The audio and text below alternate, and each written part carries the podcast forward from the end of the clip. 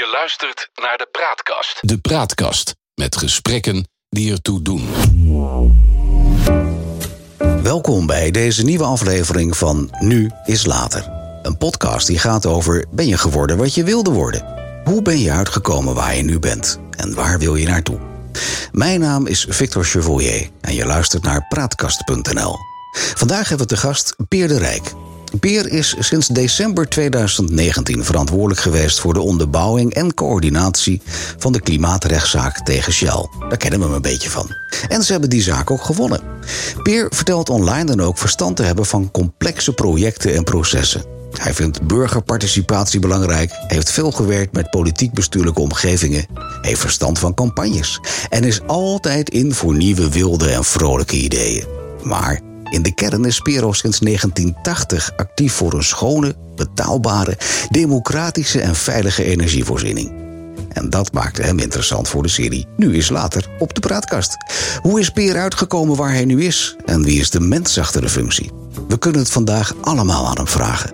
Sterker, we kunnen vandaag alles aan hem vragen. Want hij is bij ons in de praatkast. Hartelijk welkom, Peer. Dankjewel. Wat een opsomming. Ja, schrik je, schrik- schrik je daar een beetje van? Als Nou, het, zijn, wel- het zijn mijn eigen teksten, hè? maar het is. Ja. eh, nee, het is eigenlijk wel heel leuk om te horen. En ik geloof dat. Ja, het is een paar jaar geleden heb ik dat gemaakt, maar het is geloof ik nog wel eh, heel adequaat en heel passend. Dus eh, ik, ik, ik heb niet zitten jokken. Nee, je hebt niet zitten jokken. Nee, nee. Ehm, wat ik altijd eerst, eerst eerste vraag mee begin om met de deur in huis te vallen, zeg ik dan. Ehm, doe je nu het werk waar je als kind al van droomde? Als kind. Ik had als kind eigenlijk heel. Nee, was ik gewoon eigenlijk niet mee bezig. Ik ken, je kent de verhalen van kinderen die weet, zeker weten dat ze, nou ja, weet ik veel, piloot of eh, verpleger worden. Precies. Eh, dat had ik eigenlijk überhaupt niet. Ehm, ik, ik- in die zin was ik gewoon echt niet bezig met mijn toekomst. Ik heb mijn toekomst ook niet gepland. Hè. Ik heb geen bewuste carrièrepad of zo uitgestippeld of voor me gezien. Ehm, ik ben opgegroeid in het buitenland. Mijn, mijn kinderjaren eh, tot mijn elfde in het buitenland gezeten. In Kenia, Oost-Afrika. Ja. Ehm, ik, ik weet niet of daar een relatie ligt, maar in ieder geval was dat een fantastische jeugd. En heb ik die vooral gewoon echt letterlijk spelend eh, doorgebracht. Je bent eh, geboren daar? Of Nee, ik ben in Suriname geboren. ehm, en daarna op mijn vierde zijn, is het gezin zeg maar, naar, naar Kenia, Oost-Afrika verhuisd. Oké. Mijn vader was lepra-arts en werd uitgezonden door de EBG, de Evangelische Broedergemeenschap. Ja. Ehm, ja, dus, dat, dus toen ik terugkwam in Nederland, eh, ik was in Kenia, had ik les gekregen van mijn moeder, samen met mijn twee zussen, oudere zussen. Mhm. Ehm, eigenlijk omdat ja, het, het, het schoolsysteem in Kenia eh, nou, niet de kwaliteit had die mijn ouders mij eh, of ons gunden. Ja. Maar ook omdat we op school een waanzinnige uit, uitzonderingspositie kregen, eh, hadden. eh, als enige witte kinderen in een grote klasse met verder alleen maar Keniaanse kinderen. Ja. Ehm, nou ja, dat, we hadden natuurlijk sowieso een uitzonderingspositie. Maar goed, de keuze was toch van mijn ouders om ons dan maar, toch maar thuis les te geven. Mhm. Eh, zodat we in elk geval, als we terug zouden keren, konden aansluiten. In Nederland zo. In Nederland, ja. En ehm, ja, dus toen ik op mijn elfde terugkwam, mm, ja, de laatste klas lagere school, middelbare school, nog steeds eigenlijk niet, niet in die zin bezig met eh, waar naartoe, maar wel ja, veel meegekregen. En, en, in de, of toen we in Nederland terugkwamen, kozen we, of kozen mijn ouders natuurlijk, mijn oudere zus ook al wel, ik nog niet bewust, ervoor om niet traditioneel in gezinsvorm eh, te gaan wonen, maar in een woongroepachtige situatie. Dat, eh, dat gebeurde in Deventer. Dus ja, ook daar. Dat was niet erg eh, gewoon in die tijd, woongroepen. Nee, nee, dat had ik niet, ook niet zo door. Weet je, ik had gewoon Nee. niet. Ik bedoel, voor mij was de, de manier waarop ik leefde, en mijn ouders en mijn zus en met meer mensen dus in die woongroep was vrij gewoon. Ik had natuurlijk wel door dat ik op, op school en zo was ik, was ik ja, een uitzondering of was het allemaal wat anders. Maar ik zat op een middelbare school waar heel veel eh, kinderen op een of andere manier een uitzondering waren. Van allemaal uitzonderingen. Ja, het- eigenlijk wel. Dat, dat was, ja, de- de- je had in Deventer drie middelbare scholen. Ik ging naar een daarvan en daar, ja, daar zaten veel eh, kinderen op van eh, eh, kampbewoners, zoals dat Ja. in elk geval toen heette. Ik weet niet wat nu de juiste term zou zijn. Eh, heel veel um, Molukse kinderen die ook een bepaalde positie hadden. Uh, relatief veel mensen uit dan de links-progressieve hoek. Ja. Dus dat, dat, die school was ook wel een, een plek om, om ja, gewoon te kunnen zijn wie je was. En, en uitzondering te kunnen zijn op de regel. Ik heb nooit geweten dat Deventer zo divers was. ja, ja, Nee. David, ja, ja, en, en echt had een heel divers. ander beeld. Ja. Ja, nee, echt divers. Eh, het is natuurlijk ook gewoon een oude arbeidersstad. Ja. eh, maar ook met heel veel instroom van mensen uit andere landen. Ehm, een relatief progressief. eh, het was natuurlijk vroeger in elk geval een PvdA-bolwerk, een, een rode stad. Nou ja, dus op die manier ehm, ja, had dat wel Maar ja, iets. daar, daar kwam je terug uit een Afrikaans land. Ja. Eh, sprak je toen wel goed Nederlands in die periode? Ja, want in het gezin spraken we Nederlands. Ja, ja verder sprak ik toen vloeiend eh, Swahili. De, de, Toen? de- ja, toen nee, echt niet meer. Ik bedoel, ik heb nog een paar zinnetjes en flarden van liedjes, maar nee, dat is echt helemaal weg. Ik, Je zou je niet meer kunnen redden. Nee, absoluut daar, niet. eh, Ik ben één keer terug geweest en dan merk je dat je, dat je het hoort en dat je redelijk wat begrijpt. Maar nou ja, nee. Nee. Maar toen was je hier in Nederland en had je toen, toen wel eigenlijk een, een beeld van, van de westerse samenleving waar eh, überhaupt een beroep mogelijk was? Of had je daar totaal geen idee van? Nee, ik had er geen idee van. Ehm, nee, ik, ik, maar ik, wel- achteraf gezien is die aansluiting of het kunnen landen en kunnen wennen aan, aan hoe Nederland. Ja, dat is eigenlijk ongelooflijk voor mezelf in elk geval heel makkelijk gegaan. Ja. Ehm, dus ja, op een of andere manier een groot aanpassingsvermogen, denk ik. En ik, ik, ik weet het niet. Ik denk dat mijn ouders natuurlijk wel iets van voorbereiding of zo, hè, iets van verteld van, nou ja, we gaan natuurlijk terug naar Nederland. En dat is toch wel iets heel anders dan Ja. een heel klein dorpje op, op het Keniaanse platteland. Ehm, nou, ik eigenlijk wat ik. Ik heb één beeld van letterlijk, en dat is dat we eh, geland op Schiphol in de nacht. eh, logeerden we in eerste instantie nog bij onze, mijn opa en oma in naar Beeldhoven. En dat ik wel een heel sterk van. Oh, wat die snelwegen en wat een boel lichten. Dat, hè, dat is wel zo'n. Ja, want dat kende je niet. Dat ken ik absoluut niet. Nee. Nee. Nee, Bijzonder. maar eh, nee, ik had, ik had op dat moment ook wat, echt geen idee. Ik was er gewoon niet mee bezig. Ik bedoel, Het is ook niet zo dat ik dacht van, oh, ik weet niet wat ik moet worden of wat ik ga worden. Nee, ik was er gewoon niet mee bezig. Je was toen 10, 11, dus, Ja. dus even terugrekenen. Dan hebben we het over 1977. Ja. En je schrijft online dat je eigenlijk al sinds 1980 eh, milieuactivist bent. Ja. Wat is er dan in die drie, vier jaar zo essentieel veranderd dat je toen wel dacht van hé, maar dat milieu, daar moet ik wat mee. Want 1980 speelde het milieu nog niet echt. Nee, nee ja, toen, ik bedoel, het was natuurlijk wel de tijd van een aantal grote sociale bewegingen. De feminisme, eh anti-kernenergiebeweging, eh, kraken, antimilitarisme, hè, dat, dat deel. Eh, ja, het had wel eh, de Maar daar omgeving. voel- even terugkomen, Ja, daar, ja. daar, daar voelde jij je wel bij thuis, bij, bij toenmalige PSP-achtige omgeving. Ja, en dat, dat had sterk te maken ook weer met toch mijn ouders. Ehm, Ja. eh, die, die, nou ja, die terug in Nederland werden ze zelf heel snel actief weer in vrouwenbeweging. In, inderdaad, letterlijk bij de PSP, eh, bij de progressieve kerkelijke beweging. We gingen dus in een woongroep wonen. Er kwamen meer mensen bij, jonge mensen die actief waren in allerlei organisaties. Dus ik ben er eigenlijk ingerold. Het, het, het werd met de paplepel ingegooid. Het is een soort maar. paplepel-idee. Ja. En, en het- eh, van mijn tijd in Kenia eh, herinner ik me dat helemaal niet. Hè. Er was er geen politiek activisme in die zin. Nee. Ehm, wel een, een soort bewustzijn van verhoudingen. Eh, De manier waarop wij daar woonden, nogmaals als wit gezin. met, met natuurlijk een inkomen wat per definitie vele malen hoger was dan alles Ja. en iedereen. In, nou, enzovoort. Dus iets van bewustzijn op verhoudingen, denk ik wel gewoon meegekregen. Ehm, maar vooral toch de ouders die, die als, als progressieve mensen ehm, in de jaren zeventig dan naar het buitenland vertrokken, maar wel bewust waren van wat er gebeurde. Ehm, de meeste pubers die gaan rond hun veertiende juist precies doen wat hun ouders niet willen. Ja. Wat is er Ja. bij jou gebeurd in die jaren? Dat Ja. je daarin eh, misschien wat recalcitrant was naar je ouders toe. Nou, ik werd, ik werd daar wel heel erg vrij in gelaten. Voor een deel heb je natuurlijk als 13, 14-jarige. ehm, eh, ja, ga je mee in, in wat er op dat moment gebeurt. Hè? Je, je, bedoel, het is niet. Ik had niet letterlijk de keuze om te zeggen: ik wil niet in een woongroep wonen. En, eh, dus, maar ik werd wel. de- de- er lag niet veel dwang op om mee te gaan doen aan wat mijn zus en mijn ouders en andere woongroepbewoners deden. Nee. Dus ik heb daar wel eigen keuzes in kunnen maken.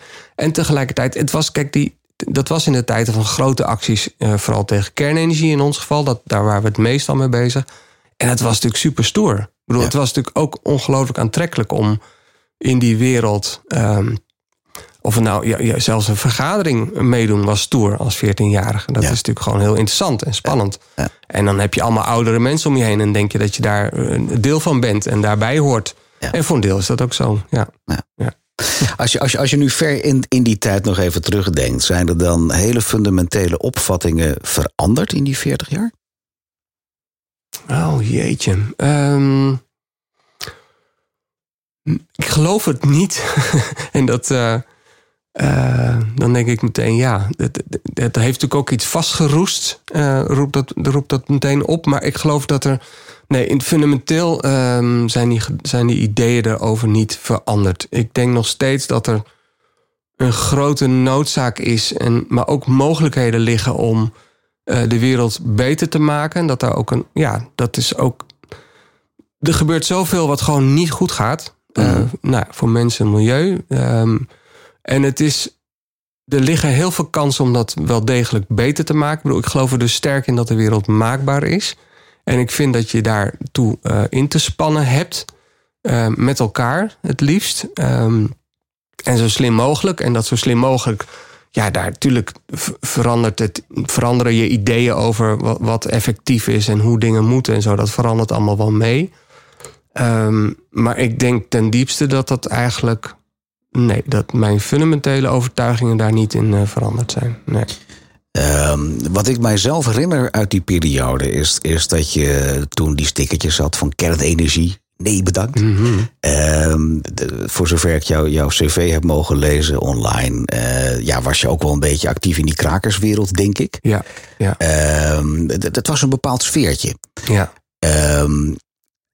Als ik het zelf mag invullen, en daarom vroeg ik het ook eigenlijk, is er wel wat veranderd. Want je had in die tijd het hele linksdraaiende biologische, het geitenharen sokken, wat we dan populair noemden. ja, ja Wat ja. een enorme ehm, ehm, ehm, ja, breedte had van, van mensen die eigenlijk overal tegen waren. Zo Mm. werden ze door de VVD'ers gezien. Dat herinner je jezelf ook nog ja, wel. ik. ja, zeker. Ja. En ik vind wel dat er in de 40 jaar tijd eh, van die, van die ultra-linkse, eh, overal tegen zijn. Mm. ehm, jullie groep, om je even te mogen wegzetten, Mm. wel opgeschoven zijn Ja. naar wat meer main, mainstream. ja, ja. Concludeer ik dat goed als ik dit dan zo? Want dat was de achterliggende gedachte achter mijn vraag. Maar die Ja. hoorde ik bij jou er niet zo uitkomen. Nee, nou, ik, ik, ik denk dat teleur. Het, ik denk dat er in vormen eh, heel veel veranderd is natuurlijk. In hè, de manier waarop, waarop er bij wijze van spreken actie wordt gevoerd. Of inderdaad hoe die groep zich beweegt. Eh, ja, kijk, die hele radicale eh, actiegroepen uit die tijd. Dat die zijn- zocht ik, die radicaliteit. Ja, is nou ja, die zijn, die zijn ook wel echt voor een deel eh, te wijten aan zichzelf ten onder gegaan. Ehm, eh, om, omdat, het, omdat het ook wel heel, eh, iets heel benauwends had. Omdat het te ver doorschoot in een radicaliteit. Omdat het zich afsloot eigenlijk van... eh, Een beetje van het de rest van de inging. ja, en dat, dat ja, op een gegeven moment kom, kwam ik er, en heel veel mensen, maar kwam ik er voor mezelf ook toch wel achter van: hé, hey, dit, dit gaat nergens meer naartoe. Ja. Of dit gaat wel ergens naartoe, maar dat is een pad wat we, wat we niet op moeten willen. En ik heb, ik zat daar inderdaad vrij diep in, in, in de echte radicale, radicale beweging. En ik heb voor mezelf op een gegeven moment wel echt letterlijk bedacht van: als ik hierop doorga, dat, dat gaat echt niet goed. En waarom vond je dat? Eh, ja, omdat je, omdat je eigenlijk jezelf zo sterk isoleerde. Eh, je kwam echt los te staan. Je zat, nou ja, nu tegenwoordig hè, noemen we dat dan een bubbel. Ja. Ehm, en achteraf gezien heb ik nog nooit zo ver in een bubbel gezeten als toen. Dus je Ja. kwam echt alleen nog maar je, je vriendjes en vriendinnetjes tegen uit die hele radicale stroming. Je zonderde je af. Eh, omdat je ook bang was voor het, voor het nou ja, de, de, de repres- repressiesysteem. Omdat je acties deed die geheim gehouden moesten worden. Je- Ja. Nou, je kwam echt geïsoleerd staan. En ik heb toen echt een bewuste keuze gemaakt om, om daar een beetje uit te gaan breken. Wat was de reden van die bewuste keuze? Ehm, Is daar een triggermoment geweest? Nee, ik denk andersom. Ik, ik, ik werd toen. ehm, eh, ik, ik had een aantal relaties ook al achter de rug, kort en lang. Maar ik werd op dat moment eh, ongelooflijk verliefd op mijn, mijn huidige partner nog steeds. Ja. Ehm, Die verliefdheid is nooit overgegaan. die verliefdheid is nooit over, precies. Ehm, en ik, nou ja, dat, was, dat zette heel veel in beweging. Ja. Ehm, maar het is niet zo, ik bedoel, het was niet zo dat ik dacht van, oh, ik moet hier uitbreken, laat ik eens verliefd gaan worden. Zo werkt dat dan natuurlijk niet. Maar het, het, het heeft wel heel veel in beweging gezet en veranderd. Ehm, en ik, nou ja, ook wel, ik, ja, je, je dacht, of ik dacht toch wel bewust na van, oké, al die actiegroepen waarin ik zit, eh, waar zijn we mee bezig? Gaat dit brengen wat, wat er nodig is? Ehm, nou ja, daar een beetje over doordenkend heb ik toen ook bewust voor gekozen om uh, toen uh, een, een betaalde, was een betaalde baan. Het ging niet om het betalen, maar wel om de organisatie waar ik me bij aan wilde sluiten. Was toen ook Milieudefensie. Mm -hmm. Ik heb toen een aantal jaar bij Milieudefensie gewerkt. Dus dat, en dat was een manier om, om op inhoud te kunnen blijven doen waar ik uh, voor stond en voor sta. En wat ik belangrijk vind. Ja. Maar wel via een hele andere weg. Ja. Jij dacht, denk ik dan, als ik je dan mee, daarmee mag samenvatten, mm. dat dat uiteindelijk succesvoller voor jouw ja. zaak zou zijn als dat je in die bubbel zou blijven zitten. Ja, absoluut. Ja. we zullen op een of andere manier. Um, uh, moeten natuurlijk gewoon uiteindelijk heel veel mensen mee gaan krijgen in de verandering die in mijn ogen nodig is.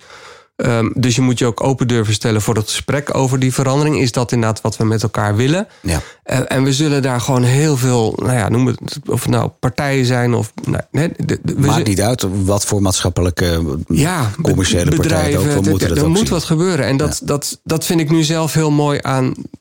Dan maak ik natuurlijk een tijd een heel grote sprong. Maar de, die rechtszaak die we tegen Shell hebben gevoerd. Uh, wordt dan stuk door ook nog steeds nu radicalere groepen gezegd van ja, maar uh, je moet toch gewoon zeggen dat Shell weg moet. Hè? Dat, dat een Shell niet meer kan in deze tijd. Maar wij hebben vanuit Milieudefensie altijd heel nadrukkelijk gesteld van ja, dat is niet waar, waar de zaak over gaat. Hè? Wij willen, wij willen CO2-reductie, we willen het klimaat beschermen. Wij vinden wel echt dat Shell daar meer aan moet doen. Maar we denken ook dat Shell een, eigenlijk een hele goede uitgangspositie heeft om een heel mooi energiebedrijf om ook te worden. werkelijk iets te kunnen doen. Ja, want Ja. het heeft nogal een, een, Ja. een, een positie. Dus laat, laat Shell zich alsjeblieft eh, veranderen in een, in een partij die, eh, ja, die het voor het goede gaat.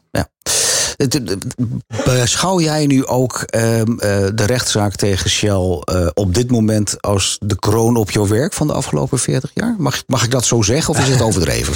Nou, het was wel echt fantastisch. Ja, de dag van de uitspraak eh, in mei was wel echt een ongelofelijke opsteker. Eh, Op dat moment drong, ja, drong het een beetje tot ons door. We hebben alleen maar staan gillen en schreeuwen.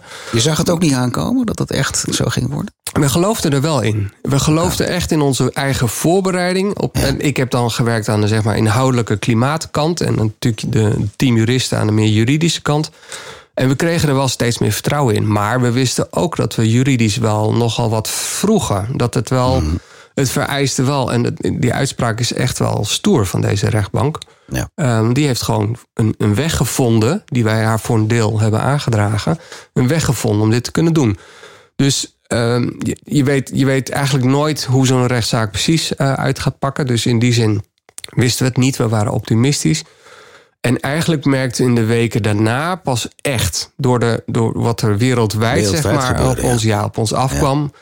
Toen drong het tot ons door. En eigenlijk de meest gehoorde, of nee, de meest op mij indrukmakende reactie was van, van of het nou van andere bedrijven, politici of mensen was, dat het hoop gaf. Dat het Ja. eindelijk weer eens hoop gaf dat er daadwerkelijk iets kan veranderen.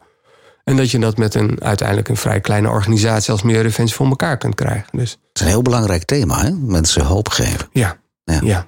ja. en dat is. eh, nou ja, ik heb het zelf in elk geval ook zo ontzettend nodig. Eh, dus dat, daar, daar, daar meet ik het maar aan af. Denk ik. Ik denk van ja. Hoe, eh, leg eens uit, waarom heb jij dat zo hard nodig, zeg? Eh, nou, ik, ik moet wel blijven geloven in dat het anders kan. Want anders zou ik echt. En dat, dat zie je Een beetje moedeloos worden. Ja, dan zou ik. Dat, dan zeg ik vaak. Dan zou ik mijn rugzak pakken en alleen nog maar in de berg gaan lopen. Want. Ja. Dat Dus heeft ik- geen zin. Nee, dan heeft het geen zin. En, dan ga, en dat, je ziet dat helaas ook nu gebeuren. Er zijn natuurlijk een, een grote, sterke, groeiende groep mensen die zo wanhopig zijn. Ja. En de een kiest dan voor een soort hedonisme. En, nou ja, dan ga ik zelf maar tien keer per jaar naar Ibiza.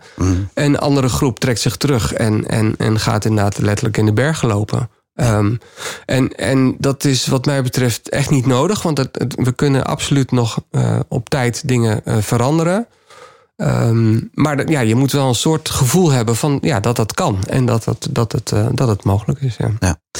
Je maakte zelf al die, die, die, die mega grote stap van 40 jaar, van, van 1980 naar nu, zeg maar. Ja. Ehm, maar als je dan eh, de Shell neemt, hè, ehm, welke competenties en vaardigheden had jij als mens nou nodig om, om de rechtszaak tegen Shell succesvol te kunnen maken? Ehm, dit is geloof ik niet een competentie, maar je hebt een behoorlijke dosis lef nodig. Het, Oh. het idee dat. Ja, misschien is ja, competentie. Ja, ja. Ja. En eh, het, het idee dat je. ehm, ja, je nek durven uitsteken. Het idee dat je het wel aan zult kunnen. Hè, dus niet te, je moet gewoon niet te bang zijn. En je moet echt denken. Je moet het van- lef hebben om zo'n gigant als Shell Ja, te durven ja, aan te spreken ja. op wat ze aan het doen zijn. Ja, en je moet het toch een beetje het strategisch inzicht hebben. ehm, en dat, dat, dat, dat, eh, dat zat gewoon bij Milieudefensie. hè, Want ik, ik ben. De Milieudefensie was al bezig met die zaken. Dus dat vereist een aantal mensen die denken van... hé, hey, eh, ook juridisch liggen er mogelijkheden. Dus dat gaan we gewoon onderzoeken. Daar zijn we ook niet bang voor om dat te doen. Ehm, en verder moet je behoorlijk. eh, eh, ja, ik heb, ik heb anderhalf jaar lang, en dat was behoorlijk buiten mijn comfortzone eigenlijk. Ik heb anderhalf jaar lang echt alleen maar inhoudelijke rapporten over klimaat en over de olie- en gasindustrie zitten lezen en analyseren met twee collega's. Ehm, en ik, nou ja, goed, de periode daarvoor werkte ik, eh, daar heb ik twintig jaar voor een andere organisatie gewerkt waar ik eindverantwoordelijke was. En het was een kleine club, dus daar deed ik heel veel verschillende dingen. Ja. En nu moest ik opeens terug eh, behoorlijk focus en, en de diepte in. Ehm, dus je moet ook behoorlijk wat discipline hebben, eh, denk ik. En ehm, ja, het vertrouwen dat, dat wat je aan het doen bent ehm, tot iets zal leiden, ook al zou je misschien uiteindelijk juridisch in eerste instantie verliezen. Dat is natuurlijk ook wel de manier waarop Milieudefensie naar keek. Het was een absoluut een rechtszaak en we hebben ons heel erg beperkt daartoe. Dus we hebben ook niet andere dingen rond Shell gedaan in die periode. En tegelijkertijd door die keuze om, om mede-eisende organisaties te, te hebben, om 17.000 individuen mee te laten doen, ja, wil je ook campagnematig zeg maar iets neerzetten over het groeiende draagvlak. Ja. Leuk dat je dat op die manier noemt. Ehm, we zitten even aan de tijd voor het eerste gedeelte van dit interview. Ik, eh, ik zie je graag zo meteen terug bij deel 2.